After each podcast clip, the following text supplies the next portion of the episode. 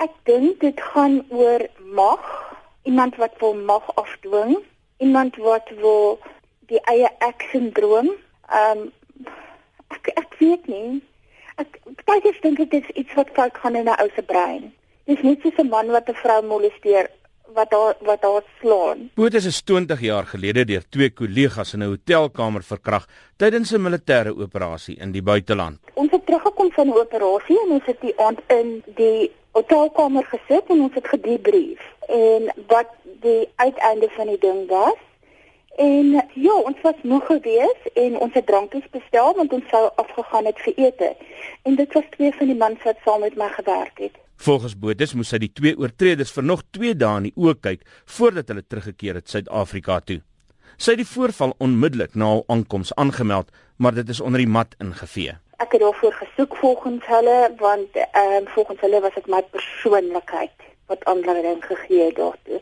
Ek het klaarblyklike uitlokkende persoonlikheid. Bodes sê die impak op haar selfrespek omdat niemand haar ernstig wil opneem nie en dat sy as slagoffer die skuldige geword het is onbeskryflik. Ek het definitief nie meer die spontaniteit wat ek daai tyd gehad het nie.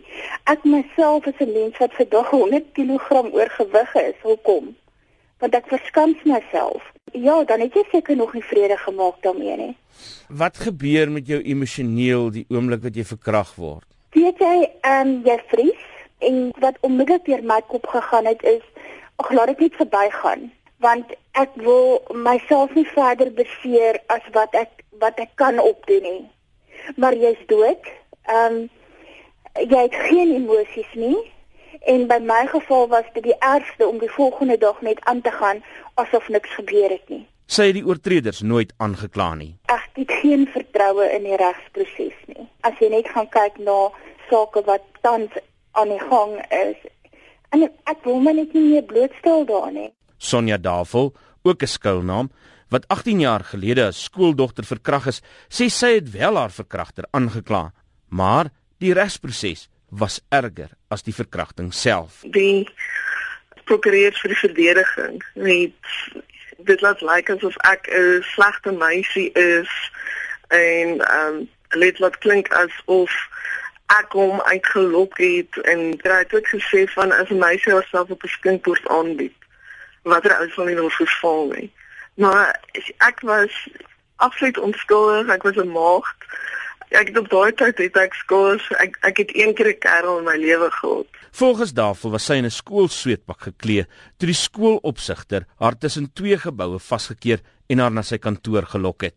Al weet sy dat sy niks verkeerd gedoen het nie, vreet die skuldgevoelens nog steeds aan haar ek weet nie, dis maar net 'n mens voel as as jy nou daai binneste stemmetjie geluister het of as as jy dit gedoen het of as jy dat gedoen het of as jy dit nie gedoen het nie. Ek weet nie, dit is ja, die skuldgevoelens is baie erg. Ehm um, mens voel verantwoordelik daarvoor. Selfs al is dit nie jou skuld nie. Logies weet jy, dit is nie jou skuld nie.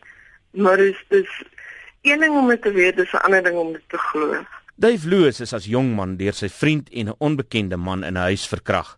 Loos sê hy moes jare lank met woede-uitbarstings stoei voordat hy kon erken hy is verkrag. I felt that I had been cheated on. You know, I, I didn't think that it was rape. It took a lot of time to, to kind of be able to talk about that. Um, and I was only able to talk about that a couple of years ago when I um, was speaking to some friends. We were talking about open relationships, and I said how I didn't. Um, agree with them because of this experience.